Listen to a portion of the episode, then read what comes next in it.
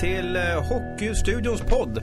Det är måndag, sista måndagen innan OS-racet eh, börjar. Och Hans Abrahamsson, hur, laddad är du på en skala 1 till 10? Ja, det börjar krypa i kroppen Thomas här. Nu är man lite sugen att komma igång måste jag säga. Men visst har du lite ångest också inför man ska resa lite långt och, och, och vara borta länge och sådär i alla fall. Det har jag måste erkänna. Ja, att jag tycker att det, är det. är lite tufft man, innan man väl har kommit iväg. Precis så är det Thomas. Det är. Och det är så fantastiskt för då har vi en ytterst resvan eh, medarbetare med oss här i Mikael Tellqvist. Vilka råd kan du ge oss inför långa flygresan och hur gör man för att packa så smart som möjligt? Ja, packa väldigt mörka underkläder Mhm. faktiskt. Det, det är praktiskt, så ser man inte när de är smutsiga jag tänkte säga. Det är en klassiker faktiskt. Eh, som jag alltid ska försöka göra. Men vita är snygga annars. Ja men det, det kan lätt bli, lätt bli spår i dem så att vi, vi struntar i det. Men eh, sen är det ju skönt på flyget. Kan det vara skönt att ha någon typ ögonbindel eller någonting så man känner sig bekväm när man ska sova. Kan du sova på flyg Ja, alltså? jag sover som en... Vad, vad ja. har du för tips då alltså, att säga? För jag, jag kan inte sova på flyg. In med någon bok och lyssna, och lyssna på och sen på med ögonbinden och sen är det bara att köra på. Gärna såna här eh, hörlurar som är, tar bort ljud, ljud och såna grejer. Ja, det är just det. perfekt. De här eh, dyra som, som kostar flera tusen. Ja men ni jobbar ju på bladet så det är lugnt, det löser de. Kommer du ihåg eh, ryssen som du flög med till World Cup? Som sov oavbrutet hela resan avbröts. Kommer du ihåg det? Att du inte Ja, kunde, nu när du ku- säger du kunde inte komma det. förbi honom där. Nej, det var någon rysk mediemänniska där. Ja. Nej, jag har också haft svårt att sova på flyg faktiskt. Men eh, jag har hittat på lite knep här med, med, med åren. Så att, eh, jag hoppas det går bättre nu. Innan vi släpper flygresan, vi ska ju flyga med Tre Kronors flygplan också. Det är vi och Tre Kronor i, i economy class och så är det Team Finland i business class. Ja, alltså jag tycker det är helt horribelt att inte Tre Kronor flyger i, i business class eller first class eller vad det heter. nu. Vi flyger ju alltid ekonomi vi på Aftonbladet ska vi säga. Och det, det, är, liksom, det är helt okej för vi klarar oss. Men, men med den korta uppladdningen de har där och det är ganska stor skillnad har jag förstått på de som flyger i business att det är mycket bekvämare. Så, tycker jag det är konstigt att inte SOK om det är nu de som lägger på de pengarna och uh, ger Tre Kronor bra förutsättningar för att resa ganska långt. Tänk dig Tellqvist, din, din polare Staffan Kromalds långa buggar ska tryckas ner i, i, economy class där. Mm, han kommer ha dem uppe i, i munnen i stort sett hela tiden men de flyger väl Finnair så Finnair har väl någonting mer där att göra också att de har, de har valt platserna åt, åt det finska laget. Men är det här ett, bara ett lyxproblem eller hur, hur, hur viktigt är det här för hur det går på isen? Alltså, alltså själva resandet är nog ingen stor grej men jag, jag tycker det blir ett irritationsmoment som kanske liksom kan utgynna i någonting annat sen i framtiden. Det kan det nog bli. Med tanke på liksom att säga, jaha ska Finland flyga liksom, varför lägger de ner resurser på dem liksom? Så Ja. det kan bli en liten grej och så kommer man till nästa grej så blir det mer grejer så blir det mer grejer. Det kan vara en början på någonting kan det vara. Omark berättade ju här förra gången att han hade någon lagkamrat som skulle sitta business class och så skulle den lagkamraten i, i Finland då Mm. komma tillbaka med snittar och lite bubbel och, och sådär och ta hand om honom. Så det kan ju Det är vara, jättekul. det kan ju vara en signal också. Ja verkligen. Får vi se hur det går i OS efter det.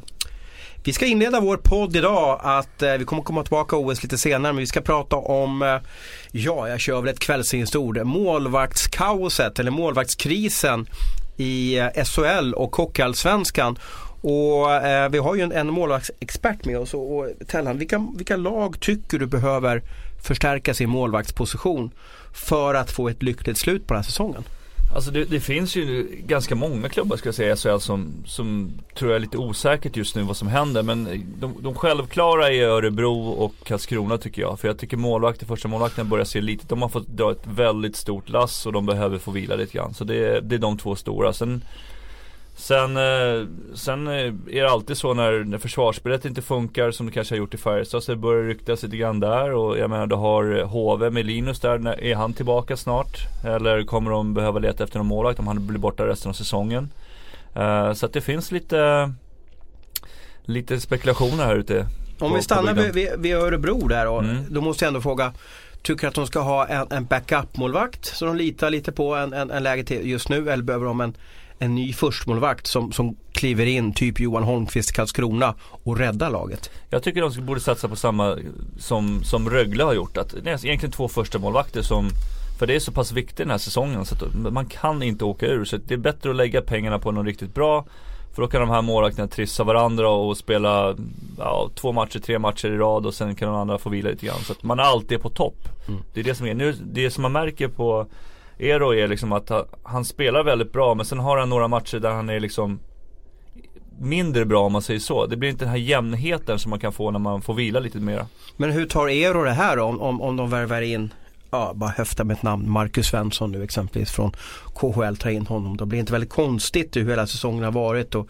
gruppdynamiken försvinner och sådär. Ja, jag tror han kommer nog känna att det är rätt, det beror på naturligtvis hur man kommunicerar det här med, med, med Eero. Men Samtidigt så, så, tror jag att han kan tycka det är skönt också att kunna liksom få kvällar där han är verkligen är ledig. Nu har det ju varit så att eh, han har fått en kväll ledig men är tvungen att hoppa in ändå på grund av att det har blivit så mycket mål liksom. Och då, då får man liksom aldrig någonting ledigt och då liksom, man måste kunna få koppla av också. Även fast man är målvakt. Det som är fascinerande också med Örebro är att man har gjort två ganska tunga värvningar här nu på forwardsidan. Man plockar in Anton Hedman och Jeremy Williams. Där det är ganska dyra spelare också. Och där blir man ju lite fundersam. I och för sig de har haft svårt att göra mål Örebro. Det kan man tycka. Men, men varför lägger man inte lite av pengarna på en, på en, en bättre backup-målvakt eller ett stabilare målvaktspar? Det är ju ja, det är jätteförvånande. Men finns det några då? Ja det gör det ju. Det finns ju definitivt. Eh, kan jag bara ta ett sånt exempel som Johan Holmqvist till exempel. Skulle jag hellre i så fall ha lagt eh, krut på och försökt få till Örebro. Jag satt och kollade på Kilpeläinen här mot Malmö extra noggrant. Och det som är det som är problematik med honom är att han gör ju jättebra räddningar men han släpper ju in väldigt, väldigt enkla mål. Och då funderar jag, jag satt nästan och funderade på, ser karln dåligt liksom? För det är långskott som går in helt ostört. Liksom. Det är de som går in men däremot de här närräddningarna tycker jag han är jätteklass på dem, hög klass där. Så att jag, och det där är ju, sprider ju en jätteosäkerhet i ett lag när de där så många enkla puckar går in. Men kan det inte vara tappat fokus då? Att man blir men det trött? Med det är koncentration, man blir trött ja. liksom. Man slappnar av, man tror att man kan slappna av när pucken är långt ifrån. Och bättre fokus när pucken är nära. Så mm. att det, det, kan nog vara ett trötthetstecken. Mm. Och Karlskrona är du inne på samma sak här Helen, att ja. de behöver någon som, som avlastar Johannes där Precis, på sätt. Som, som jag tycker spelar bra men det är liksom, det är det spelar liksom ingen roll vad han gör. Ja, men, men tycker du att Johannes framåt. har förmågan att rädda kvar Karlskrona då? Det är det, där måste de ju tänka på, fall han skulle gå sönder, vad händer då liksom? Vad händer då? Alltså han har, jag tycker han, jag tycker han har visat en, en bra nivå under större delen av hela säsongen faktiskt. Jag tycker han visar att han är en första målakt men han får liksom ingen hjälp. Han får inte några lediga kvällar. Han eh, behöver alltid vara bäst för att Karlskrona ens ska ha en chans att vinna. Och, och, och, spela med det varenda kväll är otroligt tufft. Och det är samma med er egentligen också. Släpper man in två, tre direkt så kan man nog känna sig, ah, men nu är kvällen, nu är det kört liksom. Mm. Vad har du för analys på Eero när du har sett honom nu på sistone? Är det här att han är lite mentalt trött? ja, det, det, det, det, känns som du säger att han släpper lite billiga puckar och det, det har med koncentrationen att göra. För att jag menar, vi satt ju och hyllade han för bara några månader sedan att han var liksom den bästa spelaren i, i Örebro och en stor anledning för att Örebro låg där uppe. Och tar man slut så tar man slut. Det är liksom, det är inte mer med det. Utan de måste, de måste, han måste få liksom någon backup och, så att han kan spela ofta liksom, och hjälpa mm.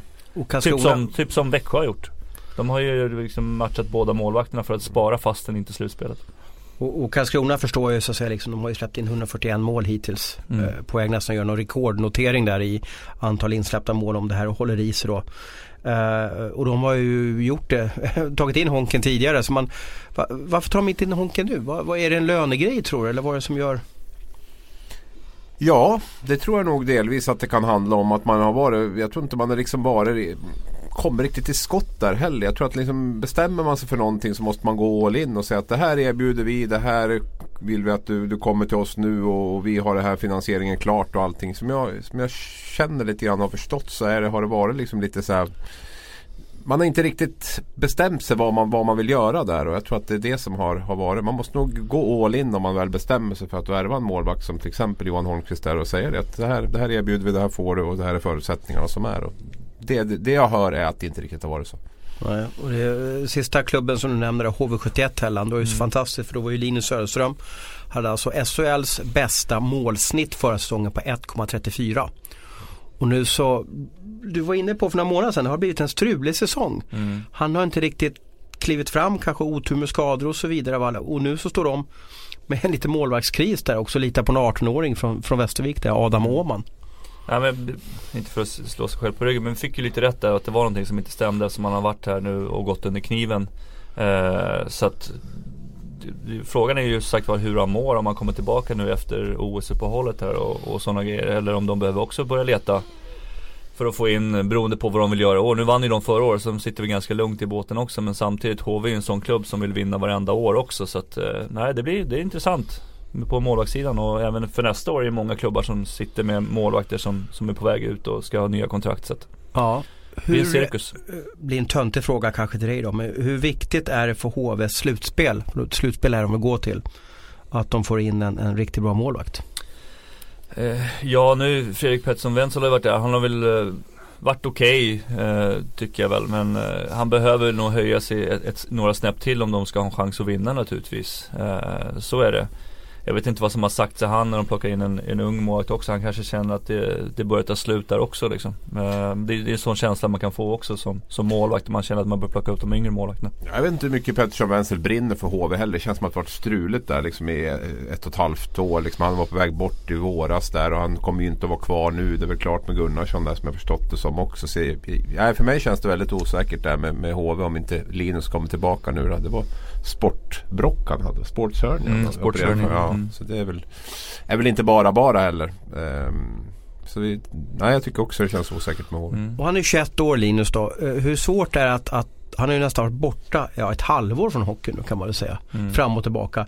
Hur svårt är det att kliva in i slutet av februari eller början eh, av mars och bli riktigt bra som målvakt när man är 21 år? Mm. Jag tror, tror, fördelen när man är yngre är att man tänker inte så mycket, man bara går in och kör. Och Linus har en sån spelstil där det är ganska mekaniskt liksom. Han, han rör sig inte så jättemycket utan är stor och, och låter pucken träffa honom liksom. Så att eh, jag tror mer för, för Linus är att han, han känner att kroppen mår bra, då kommer huvudet liksom funka och så kommer han kunna röra sig så, som, som man vill. För att det, det har synts tidigare att det var någonting som inte har stämt. Så att, eh, men det är klart, alltså, målvaktsspel handlar ju mycket om timing handlar mycket om, om blicken eh, och sådana grejer. Så att det, det, kommer nog ta lite tid eh, innan han, kommer tillbaka. Men eh, han, han har några matcher på sig. Har det förändrats lite från när du kom upp i SHL? Jag tänker på målvaktssituationen där. Förut så kändes det som att man kunde ha en första keeper och sen så var liksom, det räckte med det. Mm. Idag kanske inte det räcker det utan Växjö då, som är Sveriges bästa hockeylag just nu har Viktor Fast men sen när Andrén kommer in och står mm. så gör han det bra också. Liksom. Mm. Ja men det är viktigt att ha två, två bra målvakter nu för tiden. Det är, det är definitivt. Det är bara att kolla på matchen här Färjestad Frölunda, jag tror att Frölunda hade väl 106 avslut eller någonting mot, mot målen. Det var ju någonting så helt sjukt. Tänk dig ja. det varenda kväll liksom. Upp och ner och röra på sig, skridskor mot stolpe, bli påkörd. Alltså det, det sliter något enormt. Du är på isen 60 minuter liksom. Mm. Och försöka koncentrera i typ två och en halv timme. Så att det, det är tufft. Vi får höra av oss till dig under OS här som en OS-expert. Och, och Eh, vem tycker ni ska stå i OS då? Förut har man ju känt att Viktor Fast har varit tokgiven i Tre Kronor som etta men nu känns det som att eh, snacket eller tugget går att alla tre har ungefär samma startpoäng och att det är lite up to catch vem som ska ta det då. Vem, vem tycker Tellan ska stå i, i Tre Kronor? Vem ska bli vår nya räddare? Vem ska bli vår nya ja, Henke Lundqvist i OS? Mm. Ja, det, fast har väl varit snackisen som du säger hela året. Ja, jag menar, vi har väl, vi har ju gnällt på Jonas Gustafsson här hela året och de har ungefär samma statistik nu så att eh, det, det har blivit mer jämnare skulle jag säga mellan de andra målvakterna. Jag tror Enroth har börjat poppa upp som en liten en liten outsider också. Hellberg har haft ett tufft år med mycket förluster, bra statistik fortfarande och sådär. Men han har rest mycket och, och fått spela varenda kväll. Liksom, vad, är, vad är han någonstans mentalt? Uh, Enroth också i och för sig, men båda de klubbarna kommer missa slutspel. Vad är de någonstans mentalt? Uh, vad är Viktor någonstans formmässigt? Uh, han kanske pikar nu då in, inför OS, han gått och tänkt på det nu ett tag också. Så att det är svårt att veta men det har blivit mer öppnare i alla fall tycker jag på målvaktssidan än vad det var tidigare. Det är väl intressant också. Så jag tänker så här, det, det, måste ju vara ganska, jag tror att de har en ganska tydlig plan med hur de vill göra. Det är tre matcher på fyra dagar där jag tror att de har en ganska tydlig plan för hur de... Jag tror inte att de här träningarna fram till dess kommer att avgöra. Utan jag tror någonstans att det finns och där, där någonstans, det vill jag bolla med dig Tellan. Jag funderar på, välj, jag, jag, kan ju säga tre matcher på fyra dagar känns tufft för en målvakt va? Mm. Ja men det, det, känns som varannan dag principen. Det var, mm. Vad var vi? Norge, Tyskland, Finland. Finland och det är ju vilodag mellan Tyskland och Finland där. Ja, mm. så då känns det som så att, att vi möter två lag som vi bör slå eh, i omgång ett och omgång två och sen har vi en riktig värdemätare i sista gruppspelsmatchen. Skulle jag vara tränare så skulle jag börja med den som är tänkt som första målvakt första matchen bara för att sätta tonen så det inte blir något snack liksom. För, för då vet man ju liksom, då kommer ni vara där och fråga varför står inte Viktor fast till exempel? Ja. Vad, vad är det som har hänt? Men, men kör som, du på Viktor fast då? Som, Ja, som. som, som, det, jag tror att de kommer börja med han. Det tror jag nog, definitivt. Och då blir Viktor fast, Fast, mot Hell, Nor- fast, Hellberg, fast mot, mot Norge, Hellberg mot Tyskland och fast mot Finland. Precis, det, det är så jag tänker Men vad får Enroth? Enroth får ju aldrig möjlighet att spela in sig då.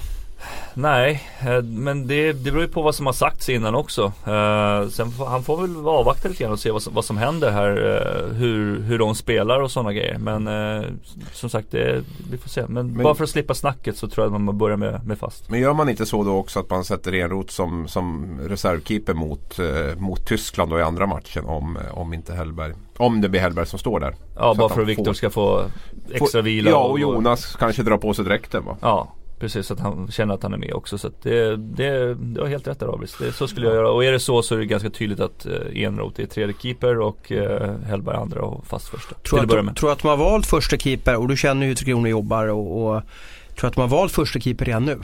De jag tror de har att de har en med, jag tror jag har, de, det måste de ha. För det har de ju med powerplay och alltihopa. Så att har de inte det så vore det otroligt konstigt. Men eh, Eller boxplay menar du va? Eller? Ja eller vad, vad som Okej. helst.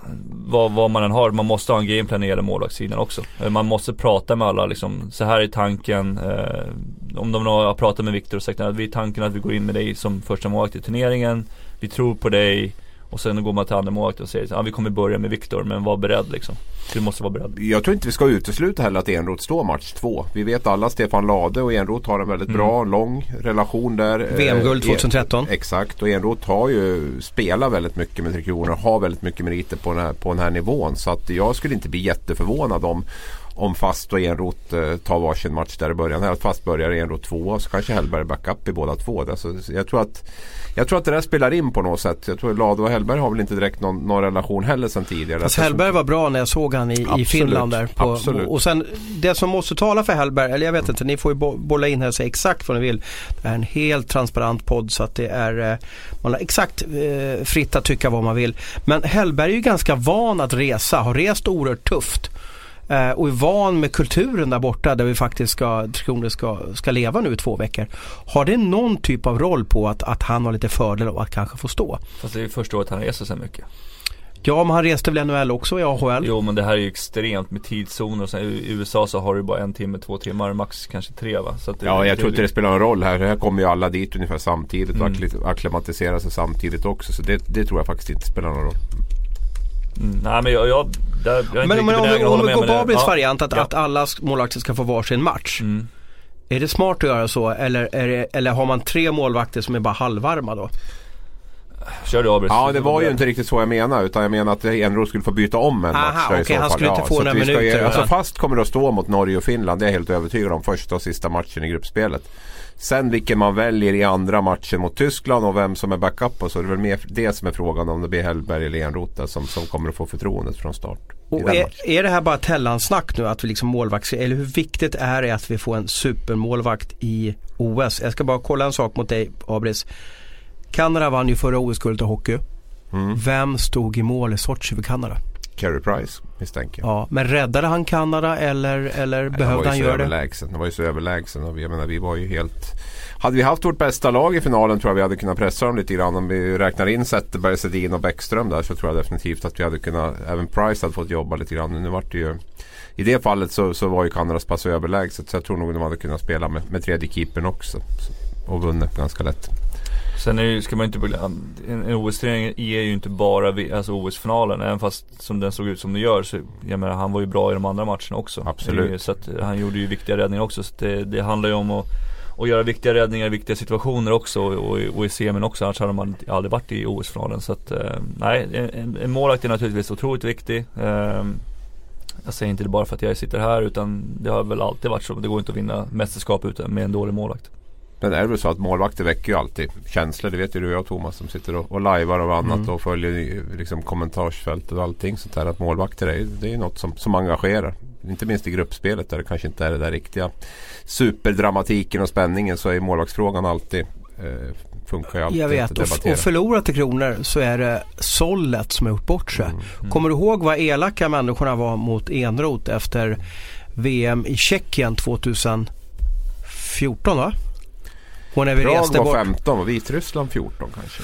Vi åkte till Ostrava och kollade på Mm. en kvartsfinal där, där Sverige blev förlöjligat mot Ryssland. Eh, 6-2, 5-3 eller någonting sånt där. Och efteråt så läste vi på sociala medier eh, hur målvakten var värdelös. Mm. Och jag kommer ihåg att jag träffade Enroth ett, ett dygn efter det här och, och bollade mot honom och han tyckte det var jättemärkligt då för att då var han ju OS eller VM-hjälte 2013. Ja. Och sen något år senare så blev han eh, förlöjligad så att säga. Så det är tufft att, att Det å, åka ut i en kvartsfinal i, i, i VM och, och tänk dig åka ut en kvart i OS mot Ja vad ska vi dra till med? Slovenien eller någonting sånt där. Och det vet jag också som har suttit och följt de här kommentarerna. Så fast det är liksom inte någon sån här det, det finns många som är kritiska mot Viktor Fast också. Det märkte man under senaste VM-turneringen här också. Att det, det, det, alltså han, det, är, det, det är Det är bara eh, Henke många som man- vill det är bara hacka på Henke man är nöjd målvakterna. med, eller? Ja ungefär. Det är många som vill hacka på målvakterna och tycker att de är, är eh, dåliga. Sen är det väl alltid Sen- lätt att kritisera folk och det är alltid lättare att kritisera folk än att ge folk beröm. Det är Ja. väl, av, kommer väl vår natur också som, som svenskar också. Vi tycker om lite grann när det går dåligt för Ja. någon liksom. Så det är väl inte Hur klarar man av det här som, som målvakt då? Hur gör man? Hur, hur gjorde du när du fick skit så? Läs inte sociala medier. Var det så? Ja.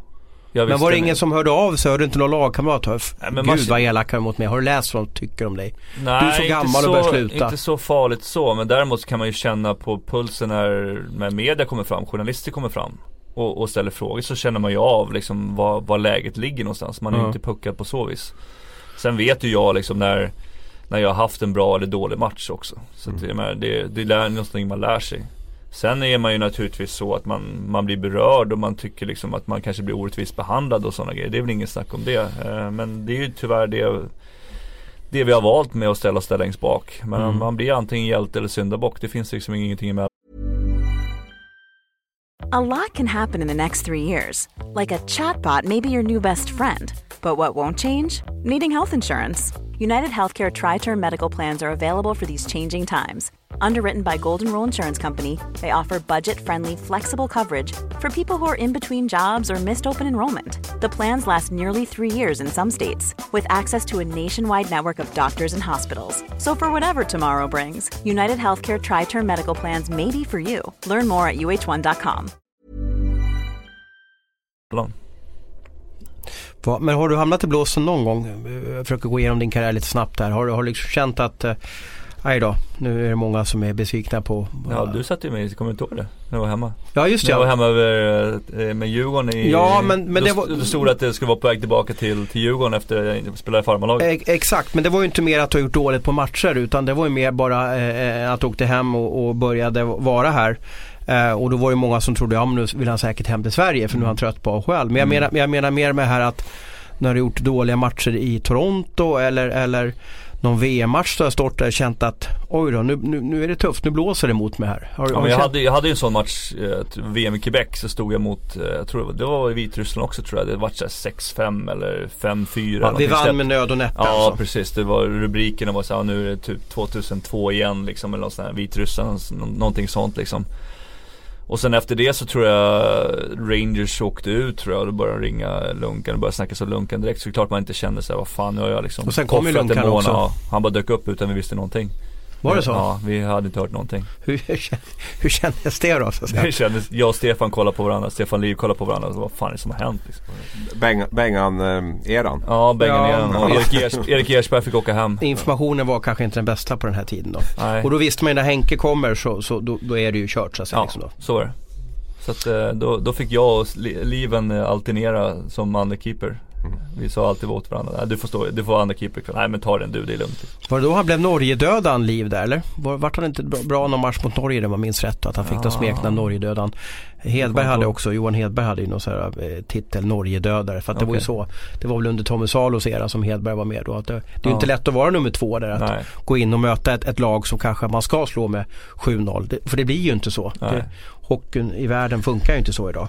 När du ändå är inne på Norge där så måste jag ta upp en som jag tänkt på. Så Norge ju aldrig ha haft en bättre möjlighet att vinna mot Tre Kronor i ett internationellt... Varför då? Därför att vi inte har en enda NHL-spelare och Norge har ju bara en enda NHL-spelare där borta. Så att den liksom Mm. vinsten som vi har i ett VM till exempel där vi vi har ju startat med minst 10 NHL-spelare alla gånger nu i, i VM. Där? Nu, nu är det ju de här spelarna i Europa som eh, vi har ju ingen NHL-fördel alls. Och för Norge är ju inte NHL någon fördel i och med att man bara har Zuccarello där. Ja, jag skulle säga Schweiz också. Men de Ja, har ju, men Schweiz, Schweiz har ju ändå några där borta. Va? Ja. Med Hischer och, och Roman Jossi och, och några till där. Va? Så att, eh, ja, nej, Det blir ett jämnare OS definitivt.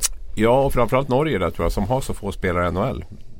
Titta på Danmark har ju säkert en, de är uppe på 10 spelare i NHL. Så Mm. för de, de skulle ju sakna sig som Fredrik Andersen och Mm. Frans Nielsen och Eller och, och de här. Va? Men, men Norge har ju som sagt en spelare bara. Fast de har 11 spelare från Allsvenskan Ja, och, och de, norska har, ju- ligan. de har ett lite svagare lag än vad de hade för en 4-5 år sedan. Absolut. Framförallt backsidan är lite svagare och sådär. Men, men ja. Men, Men eh, Haukeland är i form. Haukeland Haugen är i Haugen form. ja. Och Patrik Thoresen är powerplay. Det vet ju alla vad det kan innebära. Absolut. Och en eh, allt att vinna eh, situation också mot Sverige. Ja, Olinbröderna där och jag menar Linköping, eh, eh, de är ju oftast bättre tycker jag i, när de spelar för Norge också. Framförallt bröderna Olim där tycker jag ofta är väldigt bra i powerplay och sådär i, i Norge. Där. Och det kommer ju vara en annorlunda hockey i, i Ja, OS också. Det kommer ja. inte vara det här SHL-hockeyn och åka tackla. Alltså, mest, utan det kommer vara mer passivt på så vis. Liksom. Så då kommer nog passa nog ganska bra. Det blir en rolig match där, Sverige-Norge. Ja, man säger Olinbröderna och Thoresen i en kedja kontra Skellefteå-kedjan. Och liksom, Mm. Det är inte så, här så att man bara känner oj vilken klassskillnad det är liksom på dem. Utan jag tror att det, och det är ju våran första kedja va? Och Thoresen är bra på att reta folk också. Han är, Ja. han är grym. Ja. Han skulle kunna reta upp Jocke alla Ja, nej, han, alltså. han, han, han går för att vinna allt. Det är ju, Mm. en, det är ju en riktig vinnarskalle. Så att han Mm. kommer ju att Hur, hur, där eh, hur viktigt är det för Thoresson att vinna slå mot Sverige tror ni? Nej, Alltså? jag tror det är jätteviktigt. Jag tror det är viktigt för hela Norge. Alltså, det, det är, alltså Norge under vinter-OS är ju speciellt. Jag har ju bott där under två vinter-OS. Så att, eh, det, de är ju helt galna och kan man vinna mot Sverige. Det är, ju, det är ju bra bara att gå dåligt för Sverige. Men kan Norge dessutom vinna mot Sverige så är det ju liksom då, då går ju folk bananas där. Så att eh, det, det är hur stort som helst kan jag säga. Om de gör det. Innan vi går vidare till nästa punkt och det är när Abris, eller vi tillsammans ska prata lite floppar i SHL. Vilka vi tycker har inte varit så bra eller som vi haft stora förväntningar på men kanske inte uppfyllt de förväntningarna. Så ska vi ta lite frågor från eh, sociala medier. Och Gustav Berglind vill att eh, du pratar om korthuset Brynäs IF Abris. Vad, vad, vad menar han med det här korthuset? De har ändå, de har ändå liksom rest sig upp efter en, en miserabel start. Vad, vad, vad, menar han med korthuset tror du? Ja men där kommer vi in på min flopp faktiskt. Mhm. Men börja med korthuset då så kommer vi över på din flopp där då. Jag vet inte om vi kan, kan, kan liksom... Du får välja själv vad du vill ha för dramaturgi här. Ja exakt. Nej men alltså det jag, det jag skulle vilja ha som flopp. För det blir, det blir konstigt om jag inte pratar om det när vi pratar Korthus och Brynäs. Det är ju Brynäs målvaktssituation under hela säsongen. Allt från målvaktstränare till vilka målvakter man har tagit in till hur man har liksom matchat målvakter och allting. Så Brynäs totala målvaktssituation tycker jag är en av årets absolut största floppar. Eh, Jag vet inte vilken ände vi ska börja där. Men, Men alltså- Rautio har ju varit bra. Rautio har under perioder varit bra. Framförallt december, januari där då vann Brynäs lite matcher. Men han klarar ju inte av att stå flera matcher. Eller hur många matcher som helst i rad. Och där har man inte haft någon bra backup. Man har skickat Felix Sandström till Oskarshamn. Man har haft en målvaktstränare som har varit sjukskriven sedan sen jul. Man har inte plockat in en ersättare förrän nu. Man har inte haft någon i juniorlaget någon målvaktstränare heller som har kunnat gått upp och hjälpt de här målvakterna. Man har varit helt utan målvaktstränare i typ en och en halv månad. Och, och, det är ju, och sen besluta att plocka in Linus Fernström där. Man har Johan Holmqvist som bor en mil från Gavlerinken. Man har inte gjort ett rejält försök att få in honom där som en backup. Vi var inne på det som Tellan sa. Behöver två som Rögle kanske. Rautio och Honken ihop där hade väl varit jättebra tycker jag. Så att hur man har, hur man har hanterat hela målvaktssituationen det tycker jag är en jättestor del också till att Brynäs ligger där man ligger. Och vad jag trivs idag, bara målvaktssnack. Bara, fan vad härligt, målvaktspodden. Mm, fick du den? Men är det där så viktigt då med, med att ha en målvaktstränare? För med, med den Rautio, han, han ringer väl en Andy Svärd ändå någon gång i månaden eller i veckan och, och får lite hjälp och så vidare. Så han, han gör väl sitt race liksom? Ja men det vi har hört är väl att de, eh, Pekka och han har väl inte riktigt gått ihop så jättebra heller utan det har varit någon liten slitning där så att eh, det kanske blir bättre nu för Rautio när, när, när Pekka får vara hemma och, och ta hand om sig själv så att man vet inte vad som händer när Fredrik Mikko kommer in så att, eh, mm, Och vem är floppen här? Är det sportchefen i Brynäs eller är det eh, Ja, ytterst, ansvar, ytterst ansvarig är Stefan Bengtzén naturligtvis. Eller huvud, huvudtränaren där? Vi hade Roger Melin Ja. från början så kanske borde ha sett att funka det här. Nej men Melin han ju liksom inte sätta sin prägel på det sättet. Och målvaktssidan. Nej men det är ju alltså ansvaret där måste vi ändå lägga på Stefan Bengtzén där. Det är ju ingen snack om det. Jag var ju väldigt förvånad när man tog in Linus Fernström där på, på eh, då när Felix Sandström hade problem med sin mage och, och sådär. Varför jag tyckte att eh, det, det jag hade sett av Fernström tidigare var ju inte speciellt imponerande. Och eh, nu har man ju hamnat i ett läge där man har eh, ett målvaktsspel som inte funkar för att ta poäng. Växjö hemma senast var ju tydligt exempel och det har varit flera matcher här under, under eh, januari. Sen är man ju för ojämn som lag också. Det är ingenting att snacka om. Om vi tittar på Brynäs där. Det, det är ju det, det, är det som skiljer dåliga lag från bra lag. Det är att de bra lagen har en högre lägstanivå. Man, man pendlar inte i prestationerna så mycket som Brynäs gör. Man orkar göra tre bra, tre eh, vad ska jag säga, tre, alltså man, man, sjunker, man gör tre bra matcher i veckan. Inte kanske superbra men, men alltså bra. Brynäs de gör de har ju spelat varannan match nu ungefär och, och varit bra. Och det tror jag handlar om en mental Alltså det är lite grann hur man tränar, hur man mentalt är förberedd för att orka liksom komma upp på den prestationen som krävs för att, för att vinna matcher. Floppar, vi älskar ju att ta ut floppar uh, Tellqvist. Eh, mm, på något sätt. Det. det. är lite, det är lite så här, uh, inte vet jag, folk blir intresserade när vi pratar om floppar. Hur ser man som spelare när, när media väljer att uh, göra en flopplista men inte en flipplista exempelvis?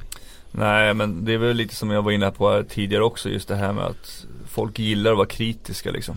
Folk gillar det lite grann när det går lite dåligt för folk. Det är lite mer spännande att läsa om liksom än att, att det går bra för folk. Det, du det du vet alla, alla andra supporter, en, en Brynäs-supporter nu liksom fnissar lite åt att, de tycker Brynäs är en Nej men det är väl om som någon skulle köpa en Ferrari eller vad som helst. Det är lite så ja ja men skattesmitare liksom. Eller vad som helst. Det blir lite det där snacket alltid liksom. Men eh, det är klart det är, lite, det är intressant. Men man ska få diskutera allting och tycka och tänka om vad vilka som har floppat och inte floppat och sådana ja. Det ingår väl men det har alltid väckt intresse. Det och, det och löner är ju kul. Liksom. Vi gör ju också, försöker göra båda delarna. Vi försöker hylla, vi har hyllat Växjö, många lag och så vidare. Mm. Men vad, vad, är en flopp för dig då Tellqvist? En flopp är väl att man inte lever upp till de förväntningar som finns. Eh, tycker jag. Eh, är man en, en, en, superstjärna kommer in så ska man leverera superstjärna liksom, material liksom. Och, och... Ska man basera det på statistik eller lön eller status i laget? Det med, det med lön är alltid svårt för du signar ju kontrakt innan du liksom, du signar kontrakt på vad du har presterat tidigare, inte vad du gör nu liksom. Eh, så att det är också svårt men eh, Ja, det är någon som vill hjälpa till här för att det, ja, det, men, det beror lite på liksom vad, vad man säger alltså. jag, jag tänkte ju nämna en som jag tycker väldigt mycket om men som jag funderar på om han är en flopp eller inte och jag tror han kan vara lite självkritisk också. Det är en sån som Tony Mårtensson då som, mm. som är alltså då mästare i Ryssland, eh, vunnit poängligan i SHL. Blivit till åren, absolut. Men kommer hem och gör så få poäng. Mm. Jag tror kanske vi har haft för, för stora förväntningar på vad, att han ska kunna komma. Alltså man har ju den här bilden av när han var i Linköping tidigare. Man får inte glömma bort att det har gått en viss tid och han har ju liksom spelat med, nu ser jag ingenting elakt om, om spelarna i Linköping, men han har ju spelat med hyfsat bra spelare i SKA också som är fantastisk som kan göra mycket själv också så att han har kunnat fått poäng genom där men på slutet där så har jag även han spelat boxplay och sådana grejer i ska också, inte bara spela powerplay. Så att eh, han har börjat, han, han börjar bli äldre sagt var också. Han kanske inte hade riktigt koll på hur hockeyn såg ut i SHL. Eh, sportchefen kanske inte hade riktigt koll på, på tån utan det var med ett häftigt namn att plocka in liksom. Man här storsatsar vi så att det finns nog många parametrar i det där. Mm, han har gjort 12 poäng på 39 matcher. Han har faktiskt spelat upp sig på slutet ska man säga. Mm. Det tar ju också väldigt lång tid, det har vi märkt med att spelare som kommer från KHL eller Schweiz och anpassar sig till köra hockeyn som, mm. som det är i, i SHL då. Eh, vad är det som brister när en spelare börjar, börjar tappa sin nivå? Är det spänsten eller kroppen i huvudet? Jag skulle säga att det är huvudet, eller så var det för mig i alla fall koncentrationen, eh, den här viljan att behöva, viljan att vara bäst varenda dag, viljan att, att träna det här lilla extra för att ju äldre du blir desto mer måste du träna för att hänga med de andra. Så är det. Du får inte lika mycket gratis. Eh, du måste vara noggrannare med kost, du måste vara noggrannare med massa andra grejer, med vila och, och sådana grejer. Eh, du kanske inte kan hänga med grabbarna ut och ta massa, dricka massa bärs efter, efter matcher ibland för att kroppen behöver vara hemma och, och och rehabba liksom. Så det, och det, det kan vara viktigt också för att vara delaktig i gruppen då? Ja men så är det ju. Men då kanske man får göra andra val liksom. Eh, om man vill vara bra på isen eller bra på ut, utanför isen tänkte jag säga. Så det, det, finns mycket parametrar. Men jag tror att först och främst så måste man vara otroligt mer noggrann ju äldre man blir. Med sin träning och kost och sådana grejer. Mm. Det måste vara hemskt när, när man märker själv att det börjar ta slut också. Alltså mm. när, man, när man börjar tänka på andra grejer. Jag, jag, ibland så känner jag att många hockeyspelare skriver ett sista kontrakt för sent. Mm. Men då tänker jag bara på att man vill komma ihåg Fredrik Bremberg, Johan Davidsson exempelvis när de var som bäst. När de ägde hela isen. Nu tycker jag att de här spelarna som jag pratar om nu, så säga, även Mårtensson och det finns flera, nästan alla stora. För de minns man ju bara att de hade en sån fantastisk karriär. Men att sista året där, att det blir så tråkigt när de inte hänger med. Juniorer åker och checkar sönder dem och, och tar pucken från dem och, och passningar sitter inte där. Va? Men det, det är väl inte lätt att, att veta när det är slut heller riktigt. Nej men det är ju precis det som är det svåraste och som vi har sett så många exempel på, på spelare som, som gärna vill köra de där sista åren och, förväntas vara lika bra som, som man har varit under storhetstiden. Och det går ju väldigt fort när det tar stopp. Man har ju sett många exempel på det som man har känt att de riktigt, riktigt bra säsongen innan och sen året efter bara så, så, så tar det stopp. Det, där är, det är lite jobbigt att se det där. När, när, jag tror när det har att göra med lite med spänsten och alltså hur, hur kroppen funkar. Men det är kanske, du är inne på knoppen, att det är ja, den som... jag är ofta inne på det liksom. Att man gör det här extra hela tiden. Och, och, och sen är det ju svårt. Alltså du har ju gjort, du har ju levt med hockey hela ditt liv. Och så säger sportchefen så här, du får ett år till. Det är jättesvårt att tacka nej till liksom. Att få göra det du älskar varenda dag ett år till liksom. Det är liksom det, är, ja, det går inte att tacka nej till den möjligheten liksom. Jag tror det är ytterst få som liksom själva känner att det bästa för mig nu att sluta för jag kommer, jag kommer, det kommer att bli sämre nästa år. Jag tror att det är väldigt svårt att både att eh, dels räkna ut det men också komma till en självinsikt om att det är så. För man är ändå i den här bubblan där man har varit en hyllad spelare i 15-20 år liksom. Mm. Och, och sen plötsligt ska man ta det där beslutet att det, så måste det ju vara. För det är så pass många ändå som, som inte, det är så här Björn Borg och några till som lägger om, lämnar på topp. Till och med han gjorde väl comeback. men, eh, Niklas Lidström tänkte Ja, jag säga. Lidström, absolut. Det- han var ju väldigt tydlig med det där. Han, nu är väl han ett unikum liksom rent hockey-IQ-mässigt och även liksom på den biten tror jag att han, han hade nog räknat ut det där att eh, jag vet ganska exakt när kurvan kommer att gå neråt och då, då lägger jag av.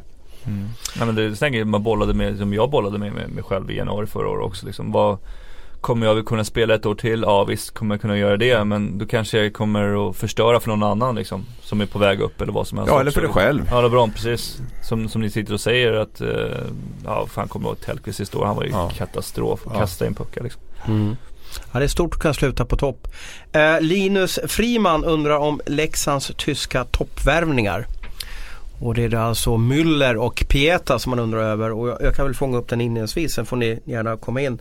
Eh, det är inte många tyskar som har lyckats i SHL, så kan man säga. Müller har ju varit i Modo, han har varit i Linköping eh, och var väl sådär i Linköping. Eh, det som talar för att de ska lyckas det är ju att de har spelat i samma kedja och hitta varandra och förmodligen kommer få spela i samma kedja. Jag tror att de kommer göra poäng i Leksand. Jag tror att de kommer vara bra i Leksand. Men jag undrar vad det är för effekt på, på själva gruppen. De är inte med i OS de här två. För att det är lite strul med förbundskaptenen. Eh, och det gör mig lite orolig för hur det här ska funka i lilla Leksand. Med den grupp, gruppdynamiken som tog upp dem förra gången, det vill säga en för alla, alla för en. Eh, det här gör mig lite orolig för, för hur, hur starka blir de här två i Leksand. Ordet fritt.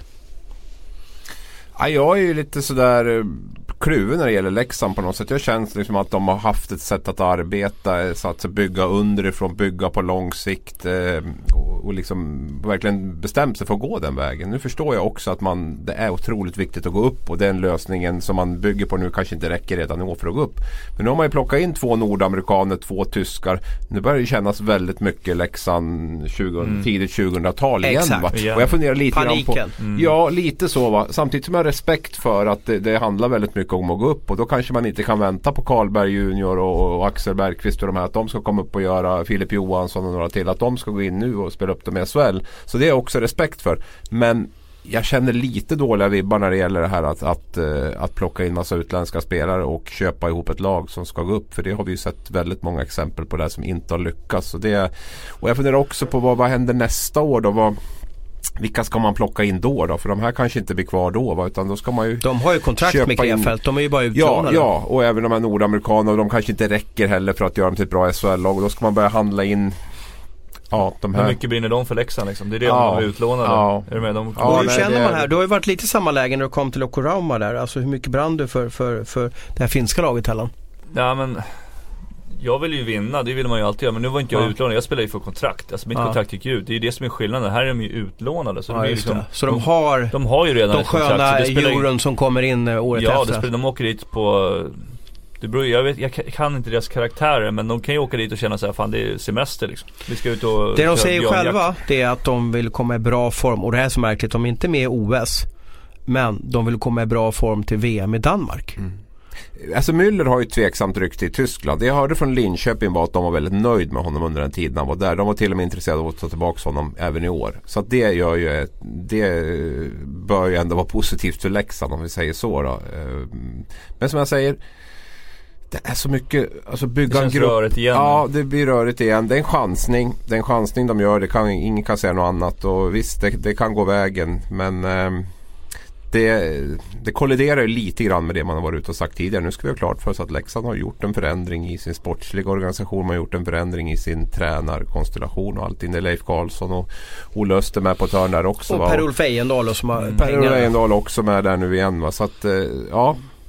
Ja, men jag tror att de känner av att Karlskrona blöder kraftigt. Ja, det är det de känner de Att flesta klubbarna. chans. Ja, att man har chans liksom. Och då, då, det Örebro har känt nu också att de har tagit in två personer till och kanske även kolla på målvakt. Att de, de känner att det finns klubbar som ligger och blöder i vattnet och det är hajar runt omkring liksom. Så att, eh, mm. Kan man, vad kan man göra för en hockeyspelare åt Tellan för att han ska prestera max? Eh, pengar, hjälper det? Alltså, och, Ja. Om man säger åt Müller och Pieta, ni får 100 000 euro var om Leksand går upp. Hjälper det att man blir bättre på isen? Jag tror att de har något sånt. Annars skulle, varför skulle de annars byta klubb så här, bara mitt och se att komma i form? Men hjälper kan det? man- Blir, blir du bättre om någon säger till dig att Vinner du den här matchen så får, ni pratar ju om KHL att man har tusen, Mm. tusen dollar per poäng.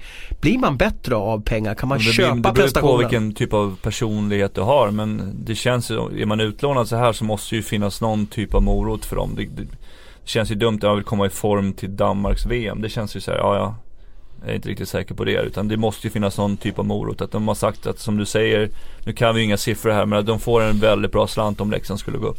Jag tror ju någonstans att det är jätteviktigt ledaren alltså att få laget motiverat. Det tror jag är viktigare än vad pengar är även om jag köper den saken att, att naturligtvis eh, om man har lite morot till den. Men, men just att få ihop gruppen, vara en stor ledare. lagkaptenen som måste ha- bygga en känsla att vi ska göra det här tillsammans och vi har chansen att göra något unikt och vi har chansen att liksom bli historiska på det här sättet. Och, och bygga in den här kraften liksom som, som jag tycker har funnits i många av de här lagen som har, som har gått upp där. Mora är ju senaste exempel med Colleton där som kändes som en maskin som bara, bara tuggade på där. Och lite liknande också Leksand där sen när Perra kom in där den, den säsongen där. Att man liksom får ihop gruppen. Och ehm, Och då är det viktigt att man har de här importspelarna då som, som tror på det här. För ofta så, nu säger inte Ja. det, jag har ju själv varit importspelare. Så det, det är svårt att brinna för, för den klubben. Alltså man, man, klart man brinner för klubben man spelar för. Men inte på samma sätt som man kanske är om man är från, från byn eller om man är svensk. Och där, liksom. där blir det ju intressant när vi pratar med med Leif Karlsson i Leksand, Niklas Sundblad i Örebro, Ove Molin i Karlskrona. Vad har vi mer? Vi har Leif Karlsson är visserligen mas från början. Ja, ja. Mm. Jag säger, ja det, vad det nu har med saker att göra. Men, men alltså vilka av de här är skickligast på att få ihop gruppen? För det tror jag kommer att bli, bli väldigt avgörande. Vi har Mittell också i AIK där som kanske kommer att vara med i racet. Fredrik Andersson i Timrå. Mm. Jag, jag tror att jag tror att ledaren kommer att bli enormt viktig vilka lag som, som kommer. Men menar du, lag- menar du tränaren eller menar du Tränaren lagets? menar jag. Nej, alltså, trä, grupp? tränaren, tränaren. Att få ihop de här spelarna till att bli en, en, en stark enhet. För jag tror det kommer att slå den eventuellt individuella skickligheten som, som finns i, eller det kommer att väga väldigt tungt i alla fall i, emot den individuella Och just nu känns väl Timrå ganska liksom homogen på så på. Ja, Och verkligen. ändrar inte så mycket. Dahlén stannar. Ja. Det enda orostecknet är att Haukeland drar på OS. Mm. Men vad tyckte du var viktigt Helland då? Var det att, vad ska man kalla det för, ledarna i laget satte press på dig?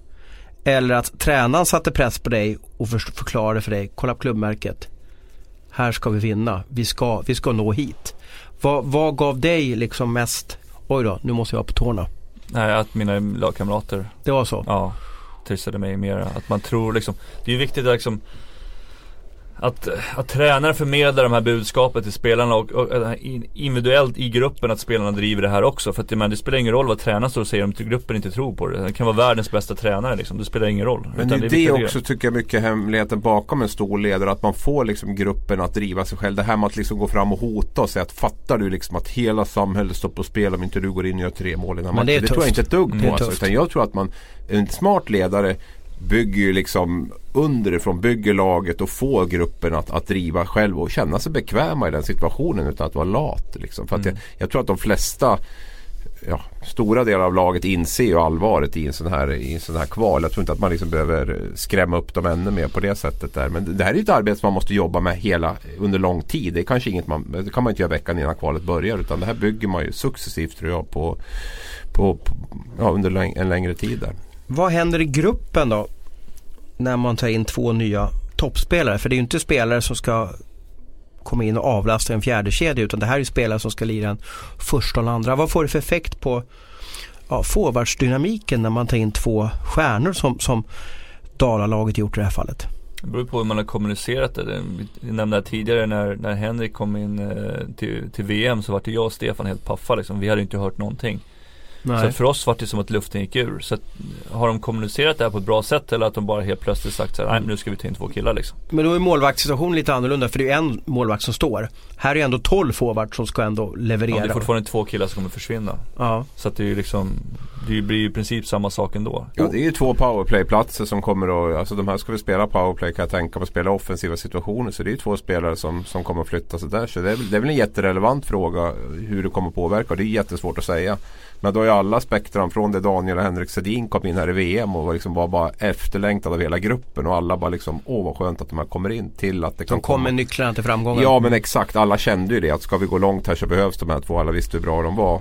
Det är ju lite mer tveksamt när det kommer in två, två importspelare på det sättet på lån. där. På lån där mm. och, och ska göra. Det vill nog till att de är dels bra på isen och även bra i gruppen tror jag för att det ska bli ett, ett för att det ska bli lyckligt. Och sen ska man tala om för de här killarna som inte fick platsen nästa år, men vi vill ha tillbaka, vi tror på er. Mm. Hur, hur mm. trovärdigt blir det då liksom? Och, och, jag är inne på, om vi, om vi går tillbaka till frågeställningen från Linus här, så, så menar jag på att det blir flipp på ett sånt sätt att de kommer göra poäng de här. Och de kommer leverera allsvenskan.